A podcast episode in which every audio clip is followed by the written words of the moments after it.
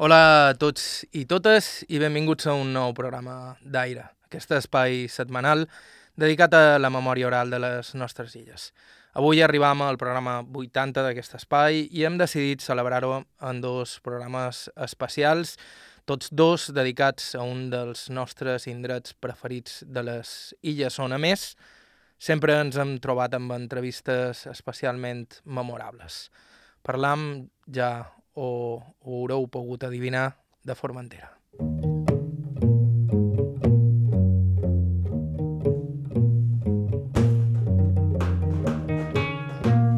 Pel seu doble aïllament, Formentera va viure un poc apartada de tot durant molts anys, fins i tot quan la modernor ja havia començat a transformar les altres illes. I això ha fet que la gent major de l'illa visqués unes experiències realment increïbles, una vida humil, directament pobra, en molts casos, però plena de detalls que ens permeten entendre com eren les coses a la resta de les Balears anys abans del boom turístic. A més, els formenterers ho saben comptar, tenen aquella gràcia natural de la gent pagesa. Formentera ens té el cor robat i recordam amb especial afecte els dies que han passat per la Mola, la Sabina i els Pujols. De fet, aquest hivern han pogut escoltar unes quantes entrevistes que en els següents dos programes completarem amb alguns moments seleccionats de l'arxiu ja extens d'aquest programa podeu considerar-ho el nostre humil homenatge a Formentera. Així que avui i la setmana vinent, Formentera i Formentera sempre. Estau escoltant Aire a IB3 Ràdio, vos parla Joan Cabot. Començam.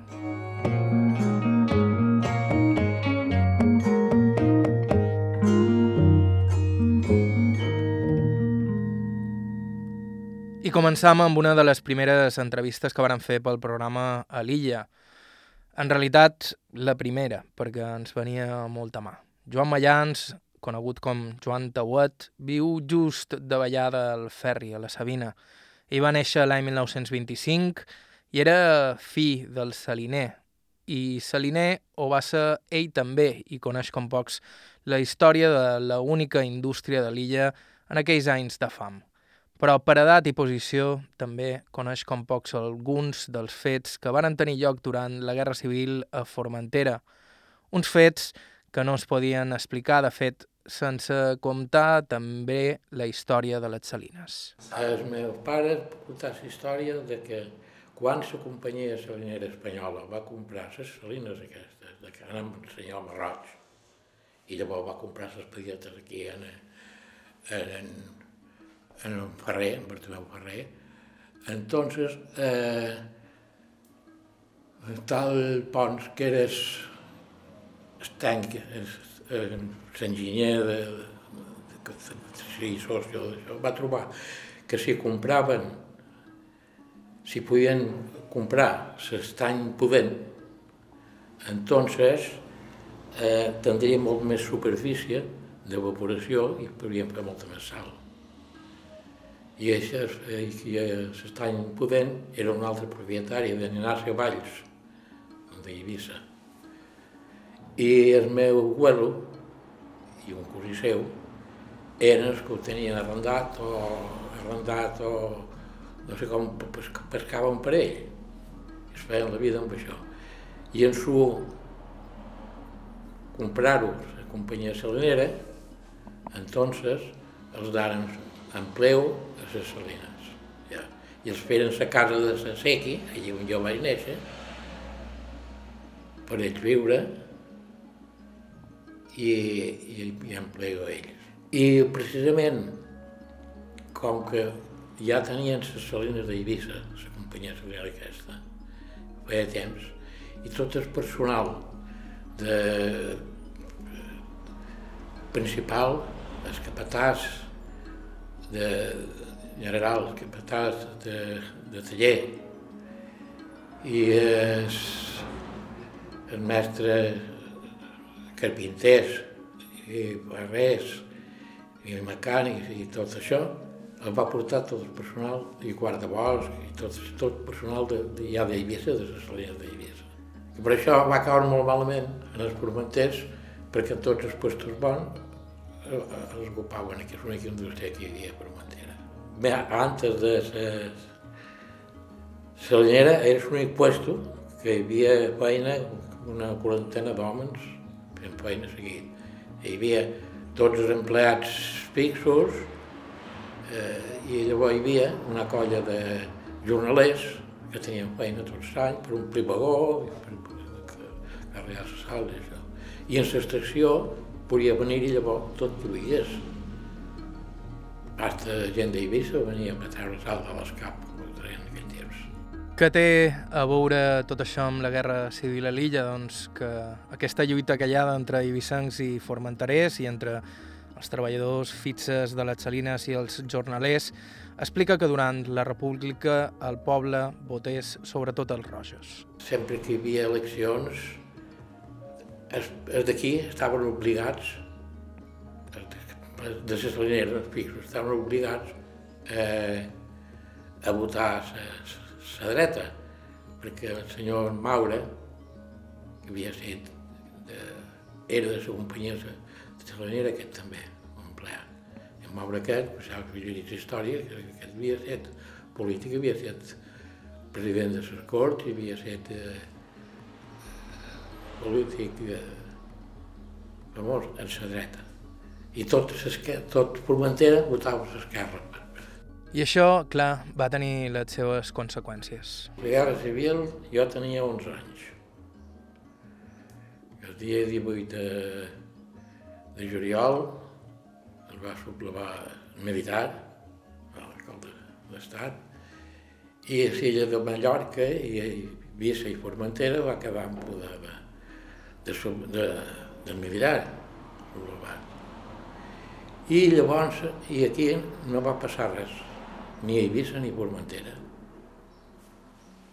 De Formentera únicament en tancaren quatre de més això que a Eivissa, però res. I llavors dia, el dia 7 d'agost va venir, desembarcaren aquí, encara em recorda, dos destructors, l'almirante Miranda i l'almirante Antequera, que puntejaren aquí davant, i, i desembarcaren i aquí es rendiren, no hi havia altre remei que... I llavors, sí, aquella nit mateix ja tancaren tots els de, treballadors de la salinera, els d'esquerra ja els venen tancar. Varen tancar tots els treballadors de la salinera? I tots els que eren catòlics, també. I a la nit ja que ja els tancaren dins una sala, es dormien terra, tot això, i els tingueren tancats, i aquella nit endugueren el capellà de la, de la mola i un que estava, el sergent Lluc, que estava retirat per la llei d'ensanya, el militar, que es va retirar per la llei que consideraven que era contrari a això, no sé per què això. I els fusilaren davall el moll, el moll aquí, i vols tirar a la mà. I un altre que volien tancar i anava buit, va desaparèixer també a matar. I que de Formentera mataren tres aquí. I llavors, en, en paia de la màquina, en serra, el, un capità, el capità Juan, que de, de Cara Costa, que estava retirat per la llei de la Sanya, i, eh, i el capellà de Sant Francisco, que havia quedat, se'ls endugueren a tancar a Eivissa i, en, i, a, i anant-se cap, al castell, cap a la presó de, de vora el castell, pujant allí, volien fer dir, el mateix de Formentera, eh? volien fer dir eh, que, que viva la república o sigui, o, o, o, i aquell va dir viva Cristo Rei i no l'havia esperat i el mataren al mig del carrer. La venjança del bàndol nacional seria implacable. De fet, molts formenterers hagueren de fugir de l'illa amb barquetes de pescador. Molts arribaren fins a l'Argel gràcies als seus coneixements de la mà. Però la Guerra Civil no havia acabat el seu recorregut a l'illa. Un cop acabada la guerra, Els nacionals feren servir uns terrenys no gaire lluny de les Salines com a presó, ben bé un camp de concentració on s'amuntegaven la fam i les malalties. Veig que va ser l'any 40 o 41, no me'n recordo la fetge, que portaren un campament de... muntaren aquí el campament de presos, aquí, eh, a la colònia de presos, que viu aquí, això està a uns 300 metres més endavant, aquí la carretera, la banda de l'estany. Portaren aquí cap a 2.500, quan es Formentera tenia uns 3.000 habitants i portaven cada tant de presos aquí. Però presos, els que estaven ja de poca condena. Quasi tots els temps que estaven aquí ja anaven, hi havia indult i anaven presos per sis, sis anys i això, i anaven indultant, indultant, i anaven. I jo, aquí, més avant de la pisèria que passàvem, eh, tant de presos aquí i poca higiene que hi havia, hi va haver una, una epidèmia de, no era de còlera, deien, de febres tifoidees. I moria molt de presos i si tota la gent que vivien per redor d'allí i jo, que venien presos a treballar, jo treballava a la ferreria allà, ja. I venien presos a treballar allí. Sigui com sigui, jo vaig agafar les febres aquestes. I de Formentera, tot alrededor de per aquí, hasta, hasta dos quilòmetres amunt la carretera. I tot, per això agafàrem les febres. De casa, que agafava jo i una germana. Vaig estar 46 dies en febre alta, que cada 4 hores et daven, daven 40, per exemple, i cada, cada, cada quan ja es feia 4 hores canvia per cap, em una pastilla per fer baixar la febre. Feia suava i em passava un pobre, i les 4 hores igual, vaig estar 46 dies en la febre. Deia morir molta gent. No, moriren, jo hi vaig estar a punt quasi, perquè ja, ja no tenia forces ni per, ni per aixecar cap d'aixecar-me sigut damunt del llit, ni forces per parlar quasi. i moriren un, un, un fill altre, un fill que carpinter d'allí, que tenia 10 mesos més que jo, i va morir. I una filla de, una altra de cap, de pagesos que aquí a anys van xiquet, també. I jo vaig estar quasi, com dic, quasi a punt. Ni teníem metge per Formentera. I clar, eh, ja et dic, i ho passàvem tard. És que Formentera era una illa petita, però eh, es, es, es mataven uns als altres. Aquesta és Xumeu de Sapunta, una altra de les persones que vàrem entrevistar en la nostra primera visita a Formentera. Per enveges, per deutes de quatre pessetes, eh, es mataven uns als altres. En teniu record, vos? De, sí, de això sí, perquè jo tenia 12 anys ja. Me'n record bé d'això, mare de Déu. Sí. Formentera, per ser una illa petita, mare de Déu, per aquí darrere, aquí al Roca Vella, que ha una pedrera bé que jo no he conegut a treballar, pues, fusilaren 6 o 7. Cementeri de San Fernando mataren 6 o 7 més allò ho vaig veure jo de lluny, però el vaig veure. No vaig saber què era allò, però ho vaig veure. Llavors vaig saber el que era. Pel cementeri de San Francisco i mataren un que no podien entrar, però eh, n'hi havia que estaven de guàrdia a l'església i va haver un que diu ah, carai, si mateix serà de riure. I va baixar i li foten un tir per les cames o no sé què, i pendins. D'allí ja no va sortir més. I per la mola també, per dins els boscs, va matar gent, i, i per la Sabina, i que, de, que he de dir, la gent anava regirada, perquè d'aquí a Formentera fugiren molts cap al G, va fugir cap al G, amb llautets aquí de la Roca Plana, dels Pujols, en sis o set homes. Eh? miraven de, de, de bugar i vela i tot, motor no n'hi havia llavor. I no hi va haver ningú llevotet mai que es perdés, tots, tots anaren a Bènit i del G anaren a parar a Sud-amèrica cap d'uns anys, allà per l'Argentina, Montevideo, i hi va, hi va alguns que fugiren cap a França també, hi va haver de tot, hi va haver de tot, això, això em va quedar a la memòria que encara pareix que ho veig, coses així netes. En Xomeu de Sa Punta tenia 96 anys quan el vam entrevistar. Pescador de tota la vida i un bon humor increïble, malgrat el que hagi pogut viure amb els ulls i patir a l'esquena. I és que ell també coneixia bé la feina a les salines, però com a traginer, una feina duríssima, feixuga com poques, pel pes, la calor, la llum reflectida de la sal i la roba xopa. A la sala hi vaig anar set anys, set temporades carregats com a burros. Jo me'n record, no eren tots que aguantaven.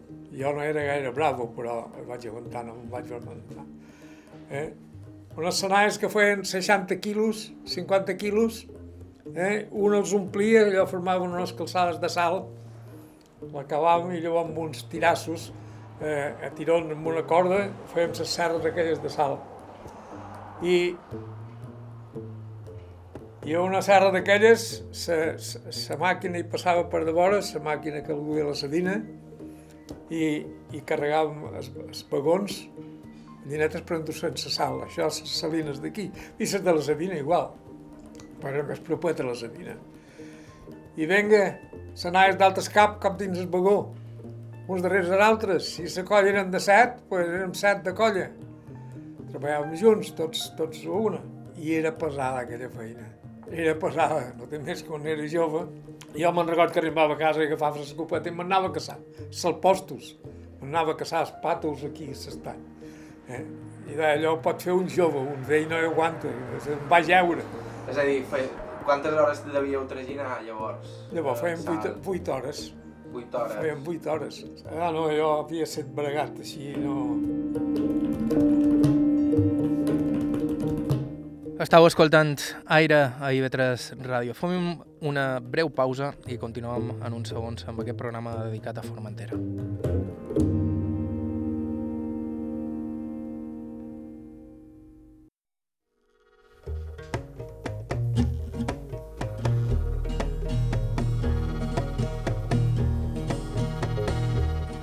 Hola de nou, estàu escoltant Aire a IB3 Ràdio avui i la setmana vinent amb una sèrie de programes especials dedicats a una illa que sempre ens ha regalat entrevistes memorables i alguns dels millors moments d'aquest programa, Formentera.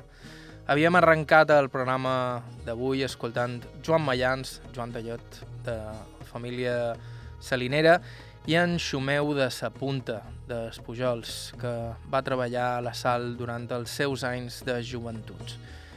En Xumeu, però, va ser sobretot pescador, una feina gens estranya en aquella illa. Què he de dir? La història, per mentir la història lo llarg que és. Vaig pescar amb, amb l'amo de, des Bellavista, de la Sedina, li deien Xiquet Mayans. Vaig pescar dos o tres anys amb ell, que llavors tot sol no, no arribava a pescar. I quan vaig acabar d'esquiosco, em vaig posar a pescar de veres, fins que em vaig retirar a 60 anys. I es pescar sí que era una feina, era una feina com que treballava per jo, no sabia si l'endemà guanyaria 10 o si guanyaria 15. Ningú sap un pescador el que guanyarà l'endemà. La millor van esgalfins les xarxes i els hi desfan totes unes xarxes noves. Eh, però posava les xarxes a la tarda, anava en terra a Verdero, embarcava un petromac que tenia gros, a butano, i una botella de butano i sortia. Les xarxes ja les tenia calades. I pescava a Molló tota la nit. Hi havia nits que agafava, havia arribat a agafar 27 quilos de calmars, 18, 19, 14, però i arribava que em deixava de pescar que encara agafava calamars. Els duia en terra, els posava dins un caixó, els tapava amb un, davall la barraca que tenia la barca, els tapava amb un encerat i m'anava a salpar les xarxes. Salpava les xarxes, 12-13 peces de xarxa, no podia pescar més perquè el bot era petit, encara el tinc. I, i per terra, dues peix en el xiquet d'escapri, un que tenia una pensió Llinetes, un, un restaurant. Li podia dur tot el peix. Li duia tot el peix, calamars i tot, portava allí. I vinga, cada dia, cada dia, cada dia, cada dia, cada dia, així mateix, tota la nit dins una barqueta petita, a seure allí a la popa a pescar amb la farola encès i allà quan eren les 12 em agafava son, els calamars no, no mengen tant, ve un moment que peix que no els ha tret tots i m'anava de baix de prova i em posava sense pallet ni res, damunt de la madera. Em posava d'esquena així i em havia basat això ho he tingut sempre, així com n'hi ha que, que, que s'adormien i no es despertaven, pues mirava quina hora era, eh, són les 11. A les 12, cap de s'hora, jo em despertava, eh? i a pescar altra volta, agafava un país de calamars més, i això tota la nit, tota la nit, tota la nit, una nit, una... bueno, dies de bon temps, mal temps en terra. Explicat així, sona gairebé idíl·lic. Fa poc entrevistàvem per aquí un altre pescador de l'illa, que és de la Mola i de nom Juanito Mayans. Jo he estat pescador professional 45 anys. I jo quan vaig ser ja pescador professional ja es pescava d'una altra manera. Perquè llavors es, es anava a la vela, que, que, que, que es tracte aquest que, que feien de, de Formentera i Eivissa, el feien amb un llegut de, de, de, de 6 metres a la vela d'hivern i d'estiu, que això aquí no hi ha ports, eh? eh sé que hi ha que, que entendre la mà per valorar-ho, això. Depenia del vent, depenia del vent, però si el vent era bo, eh, almenys 6 o 7 hores hi posàvem per anar a Eivissa. I si era dolent, doncs, pues, millor més. I moltes vegades trobaven que venien en hivern més i més sortien de vila que es podia un prou bon temps, arribaven aquí i es trobaven que hi havia mare que no podien entrar. Havien de tornar i anar, i anar a la part d'escaló. I això ara no té importància perquè tothom va motor, però llavors la vela sí, perquè hi havien de, si no hi havia vent havien de bugar, havien d'anar al rem. Aquí pescam, jo pesco un baix que està aquí davant, davant l'estofador, que està eh, a 4 milles de, de, de la costa. Ui, llavors pescàvem eh, el rem i la vela, no hi havia motor. I, bueno, llavors la xarxa que es pescaven no, no era xarxa de nilon, era xarxa de, de cotó o filassa. I aquelles xarxes les posàvem a salpost i es matí les salpàvem i les teníem davall d'una enramada que tenim, perquè si no s'haurien fet malbé. I, bueno, era, era diferent. Hi havia més peix que no hi ha ara, molt més però el peix que agafàvem eh, pescàvem xarxa prima i agafàvem molts de molls, besuc, mabrens, aquell peix valia pocs sous. Jo he estat dels, primer, dels primers pescadors que he pescat xarxa gorda de Formentera i Eivissa. I vaig armar unes xarxes molt gordes i, i vaig agafar molts d'enfossos i molts de dèntols, perquè llavors n'hi havia. He agafat moltes de sirvis, jo, perquè mi m'agrada molt córrer escorricant. Córrer escorricant, si va amb un calamar o una cepi, he agafat de 44 quilos de sirvis, eh? que són de les sirvis grosses que es agafen. Em van dir que per colombrets m'hi agafat de 50 quilos. Pot ser perquè un peix d'estar gord està prim, un peix de queixos fa 3 o 4 quilos més, però una sirvi que fa que fa que 30 quilos ja és una sirvi grossa i de 44 n'he agafat jo, i de 42 també, i, i de, què t'he de dir jo? Jo cada any agafava més de 100 de sirvis de corricant. Bueno, el tipus de peix és el mateix que hi havia, el que passa que n'hi ha menys, perquè, com te deia, que la xarxa que nosaltres pescàvem era xarxa de fil de cotó i fil de filassa, i aquella xarxa al voràvem al matí se'l pos la, la salpàvem. Ara, la xarxa que es posa, i llavors quan jo pescava ja, la xarxa de nilon i quan ve el mes de maig la posam i la tenim tres mesos a la mà seguits. Anam al matí, si el temps és bo, perquè sortim de la costa, i tenim el peix i el tornem a deixar posada. I això és la desgràcia del peix. La desgràcia del peix per mort de que eh, de dia també agafen peix les xarxes. I el peix que és intel·ligent i ho fuig també. I, i bueno, set, set la desgràcia, això. ara ja per tornar-se a recuperar, llavors pescàvem a lo millor 20 xarxes. Que pescar 20 xarxes ja era molt, ara en posen 100. Menys barques, ara hi ha moltes més barques.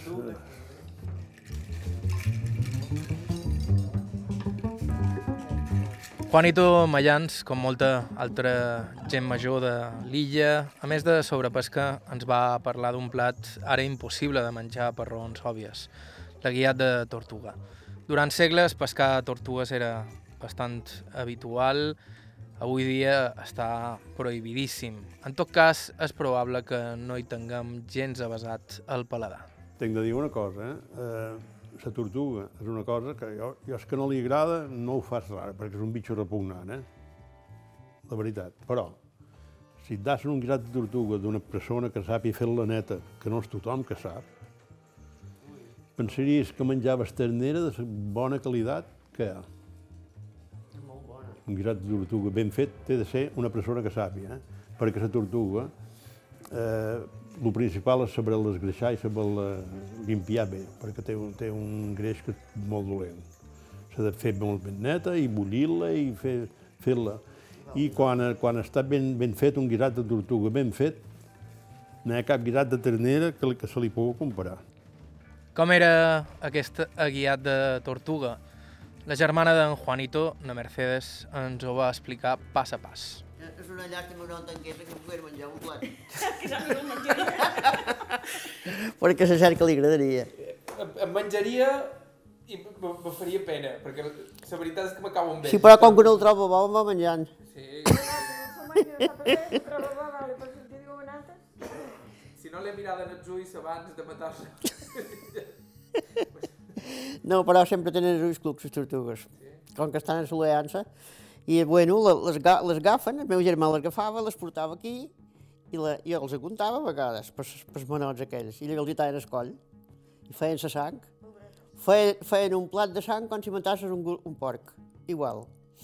I quan la posàvem a sol, amb una miqueta de sal, i quan estava acollada, la, la, la bullíem. I llavors fèiem una frita, capuladeta petitet, ben frita, i el fetge també bullit, i posàvem pell de taronja, i posàvem herbes perquè fugi solor.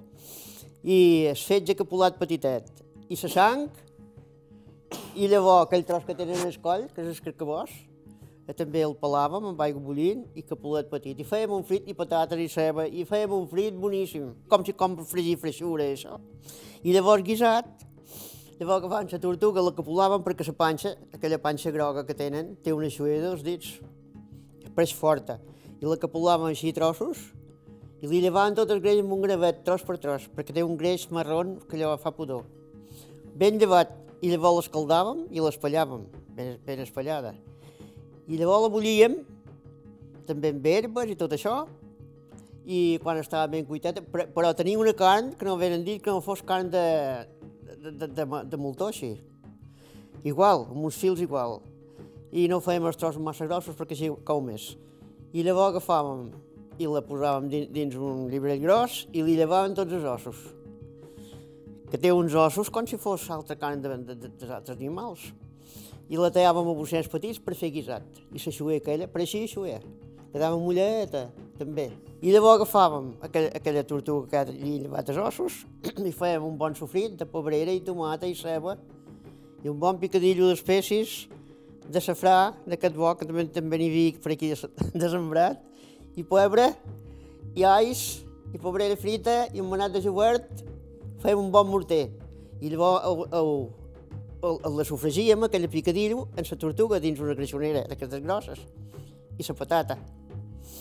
I, i, i aigua, que ho tapaves així. Ja ho crec que era bo, i molt. I fèiem un guisat que feia de melós.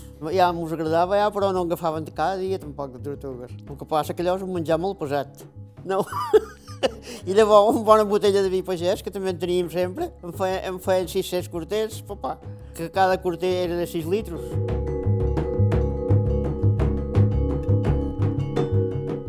En Juanito Mayans i la seva germana Mercedes no varen ser els primers que ens havien parlat de la guiat de Tortuga. El primer cop que en vàrem sentir parlar va ser entrevistant en Pep de Can Jaume d'Escamp. 96 anys tenia el dia que ens trobàrem i encara anava en bicicleta fins al poble. Casa seva estava enfonyada al costat del fa de la Mola i allà a la porxada ens contava històries de tortugues i pesca. Me'n recordo que una vegada un companyero meu sortirem un dijous sant. Llavors dijous sant a la tarda hi havia la festa aquí, de la professor i la festa. Sortirem, carregàrem 16 tortugues, un botet ben petit, eh? 16 tortugues, anàrem molt fora, 16 tortugues, i per hora d'anar a la festa, a la tarda ja tornàvem a la casa, i havien agafat 16 tortugues. I com aquesta volta, ho eren moltes vegades. I que fèieu amb les tortugues? No menja- menjàvem. Menjàveu tortuga? Carai, menjàvem una altra vegada, aquella vegada que jo, en agafàrem 16, el sant de mà. Jo és primo que dic, anem, els hem de dur escaló, bo si mos envien a Eivissa, en faríem sols, i escaló hi anava un llagut, en sortia un llagut a la vela. I anàrem, i, i els mariners del llagut mos diuen, no importa els envieu a Eivissa perquè no està, minat de tortugues, els hem de tirar a la mà. Dic, idò cap a casa. Jo vaig venir a casa buscar un carro una somera que tenia, i vaig tornar a Escaló, carregant les tortugues i cap a casa. Els emmullàrem i vaig passar per, casa, per la seva casa, casa en Joan, i li vaig emullar la meitat de les tortugues dins, dins la tanca, i jo a casa també els vaig emullar per dins la tanca aquí, i menjar tortuga. I menjar-me nosaltres no menjàrem més d'un mes de tortugues. El matí només, migdia només, eh? Migdia un bon guisat de tortuga i la nit no. I el meu pare la va enyorar encara, diu que el dia que es va acabar encara la va enyorar. Estava bona, la tortuga. Molt. Jo, jo ara, ara mateix som vell. Per un guisat de tortuga no sé què faria, eh? però que fos bé, estat ben fet, eh? Guisat de tortuga bé, bo, per jo, és de les coses bones que hi pugui haver-hi. No, allò és una espècie d'estofat, com una espècie d'estofat de carn, de, i és molt bona, és molt bona la tortuga. Carai, en temps de les tortugues, és que podia agafar dues tortuguetes o una i... Ah, coño, però ara està prohibit que fas una tortuga, em va a la càrcel. Quan venia la temporada, els dies bons, sí que se'n agafaven una prou, perquè em menjàvem una prou de tortuga sempre. Els dies que anàvem a pescar serranes, molts de dies, pues era dies de bon temps, molt bon temps, feia més bon temps que ara. Ah, coi, això una tortuga, allà. Ah, coi. I de vegades anàvem a pescar serranes i agafàvem una tortugueta o dos, la mateixa, i sense sortir per fora, i menjàvem la tortuga, ja, menjàvem. Després de, de la sang i es feia això, es feia frit, també, tortuga. I era bo, molt bo, el frit de tortuga. Eh, eh, carai. En Pep de Can Jaume d'Escamp també va ser qui ens va dir per primer cop l'expressió tres negats. I hi havia bastant de peix, més cara. Hi havia anat a les tortugues, jo a fer, a fer sí, tres negats al rem, que no mos havíem negat de miracle. Al rem anàvem, Com Ah, carai, ah, carai. No, no vos vareu negar de, de miracle? de miracle. Hombre, diria que anar a fer tres negats de silla eh, al remet, eh? Era un verro, tres, eh? tres negats? Sí, tres això? negats. Fèiem, tres, fèiem silla, silla de Formentera en tres, en tres illes. Eh? En tres. Pescador, la mar, la tèiem, i Sant Francisco per dues bandes. Només veiem tres... Rara cosa. No. Bueno, això és que anau prou fora, que només veig el més alt de silla. El més baix es nega. M'enteneu el que vull Ah, dir? clar, anàveu tan en fora que Sí. només veieu la punta. la punta de, de, de, de, de la Mola, que és més alt, la punta de Sant Francisco, que és més alt, i el de Sant Fernando. L'altre, allà on hi havia més baixos, més baix ja tot era negat. Això es diuen negats, negar amb silla. Eh? Ho veiem per, per, tres, per tres bandes només. El rem, el rem, eh? A continuació, una de les històries més increïbles que ens han explicat mai a Formentera. Estau escoltant Aire a IB3 Ràdio, fem una breu pausa i continuem.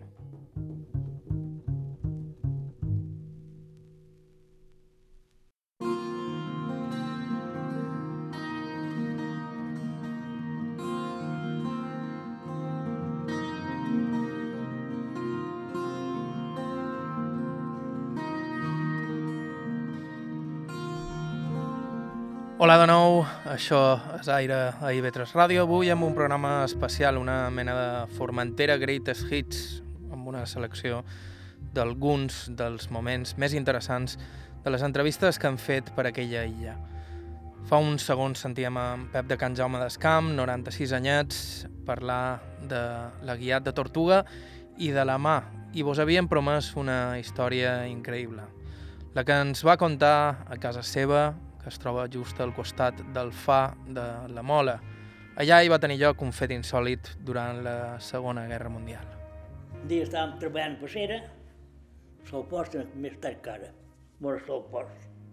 Van passar quatre avions, quatre bombarderos aquells que els deien nosaltres, avions cap aquí, cap, a, cap al sud aquí, baixos.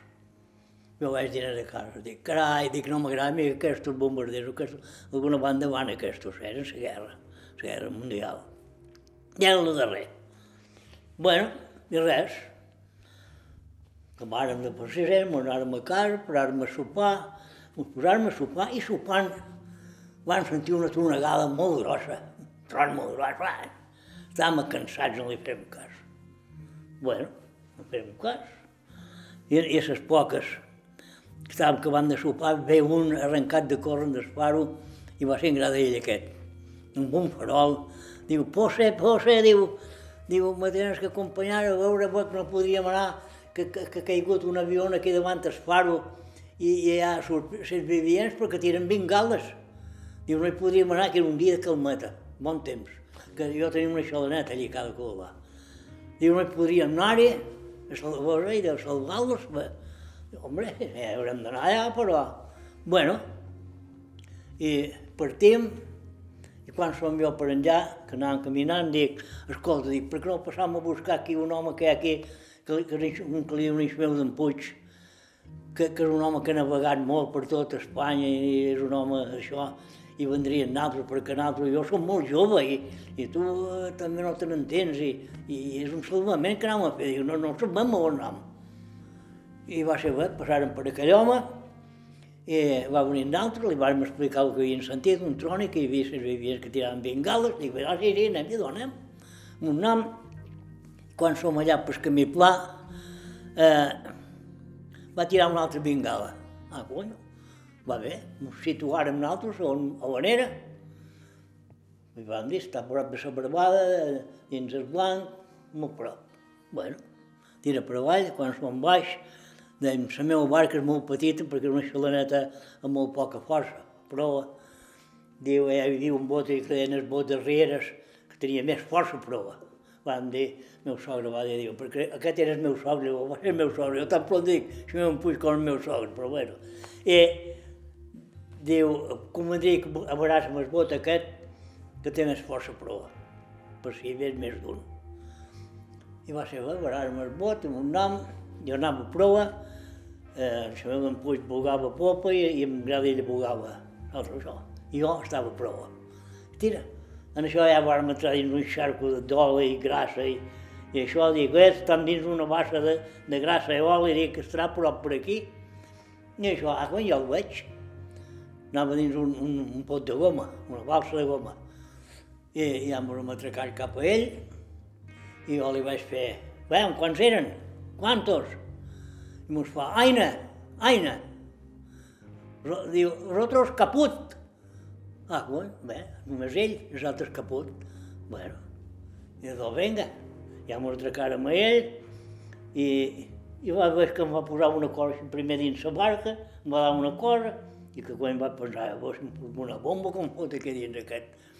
I va ser una bota que li havia caigut una bota i cal la portava, una mà la bordava, eh? Me va arribar, jo el vaig ajudar a entrar dins la barca i, i vinga, un homenatge que feia més de dos metres per mi, no em cabia dins el bot, i, bueno, i tira cap en terra. I m'ho duguérem en terra, llavors vengueren allí, hi havia gent de per la bassa i de per la bassa, que hi havia la bassa, avions de la Sabina, i, i, i, i ajudant a pujar perquè estava un poc fotut mateix, eh? Estava pobre, estantís un poc. I, oh, el cap de pocs dies van venir una barca de pesca d'Eivissa grossa, en dos en sus bussos, i tragueren dos morts que hi havia, que estaven aclavillats morts en els seus asientos. Jo no vaig cobrar res, m'agrada ell diu que va cobrar mil pessetes en aquell temps, que va comprar una bicicleta. Nosaltres no cobràrem res. Va ser quan la mare ja estava debatida, que ja va, ja, ja va ser el darrer, jo no vaig cobrar res, però me'n fot. És igual, jo vaig quedar content de poder salvar aquell home. Eh? Jo el vaig veure un altre dia, va venir aquí dalt a vora, que és el dia que es treien els morts. Estava allí, així, mirant cap allà, i em va veure, em va conèixer, perquè se'm van riure, però no em va dir res, no parlava, no em va dir res. Quan anàvem cap allà, va dir, no sé què va això, va dir, diu, Espanya, alema, Espanya, camarades. I les úniques paraules que, que va dir bé, va ser això. Diu, Espanya, camarades. Eh, bé, Espanya, camarades.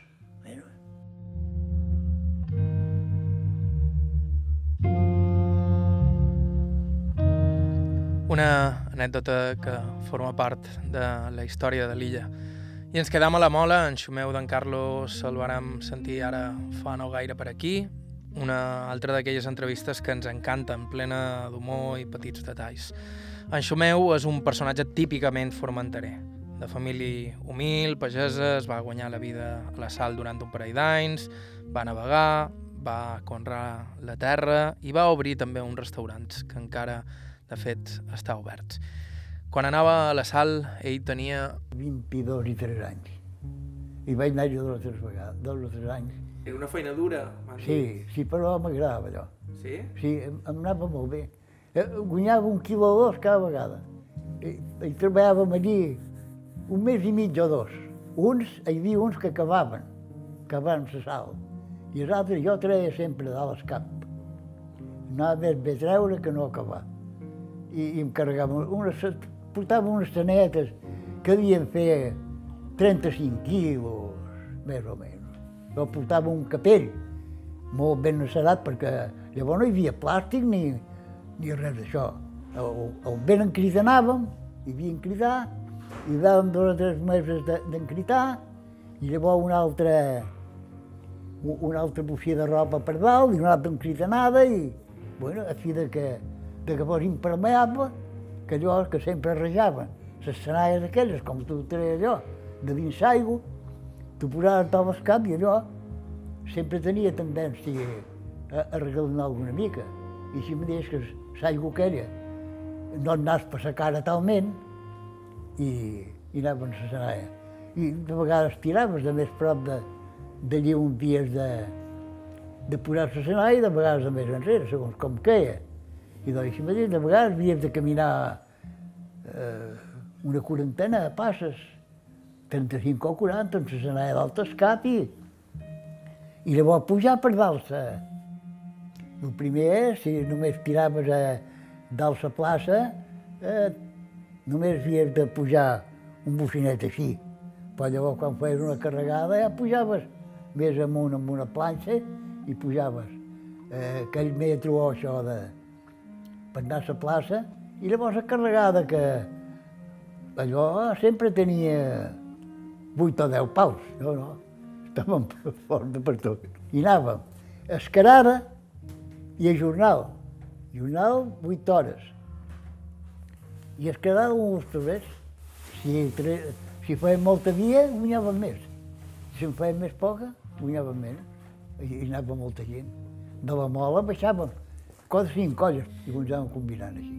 Sí, perquè allò has de comptar que eh, amb, amb aquell sol, perquè allò era en l'agost, jo crec que era en l'agost, juliol, agost.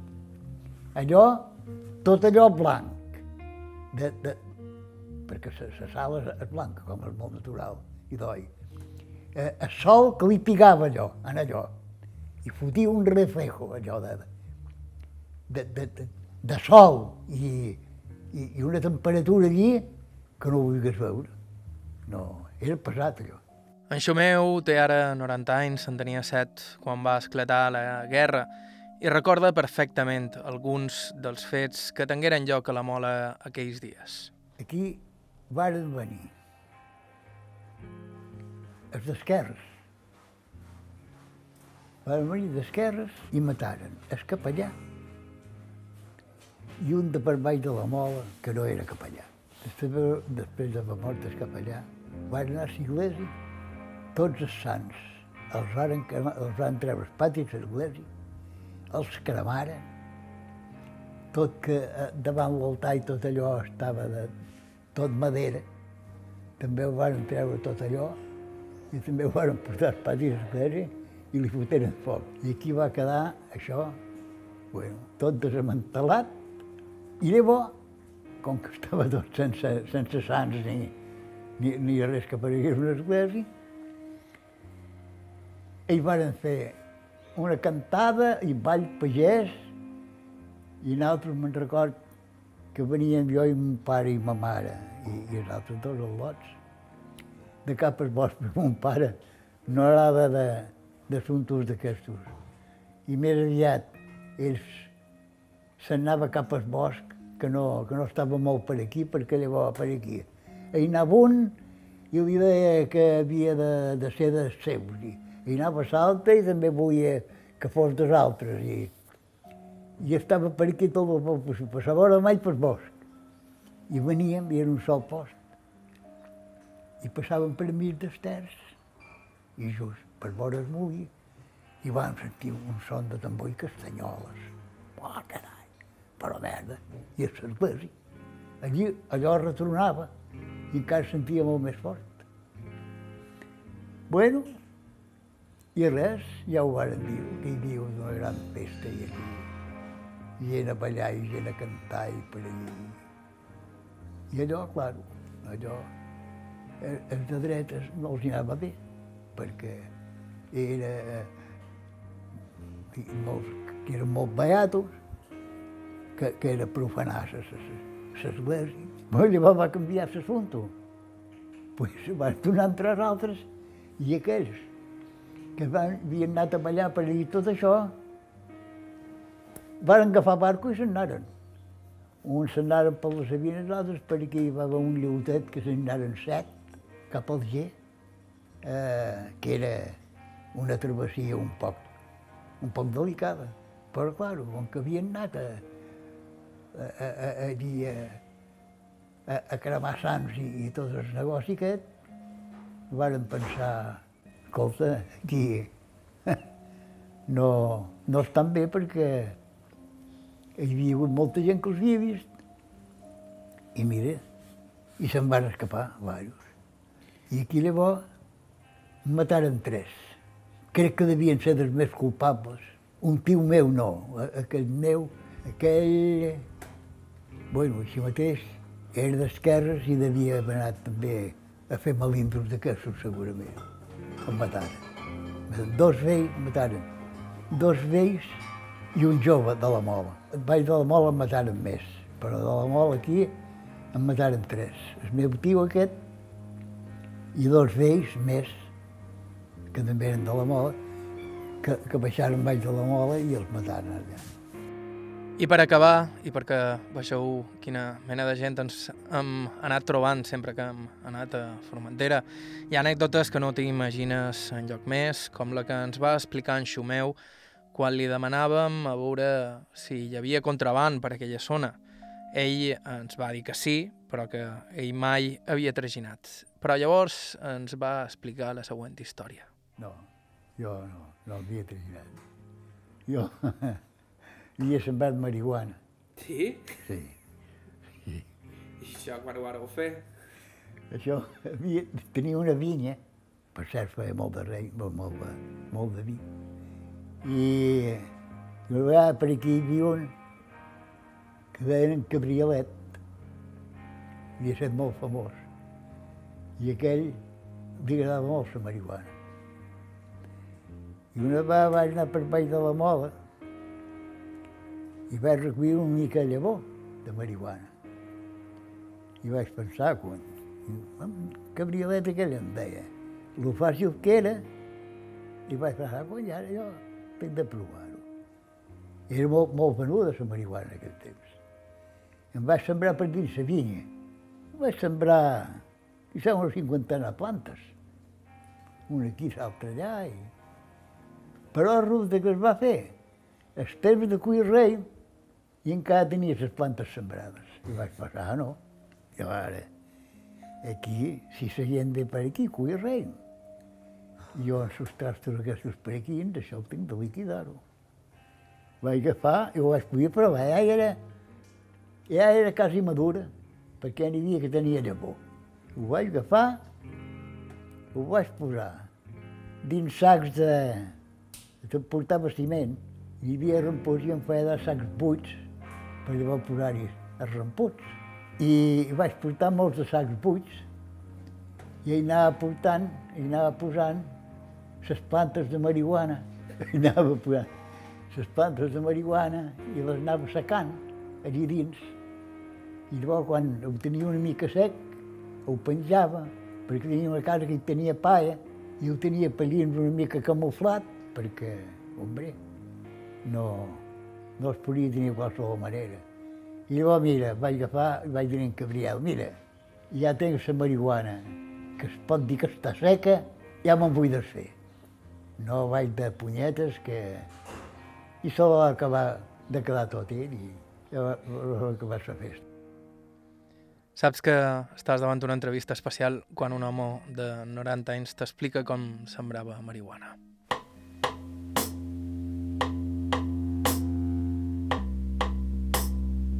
Nosaltres ho deixem aquí per aquesta setmana. Tornarem la vinent amb un nou programa, el segon d'aquests dos especials dedicats a Formentera, aquest cop amb només veus femenines i amb una entrevista encara inèdita, així que us esperam aquí la setmana que ve.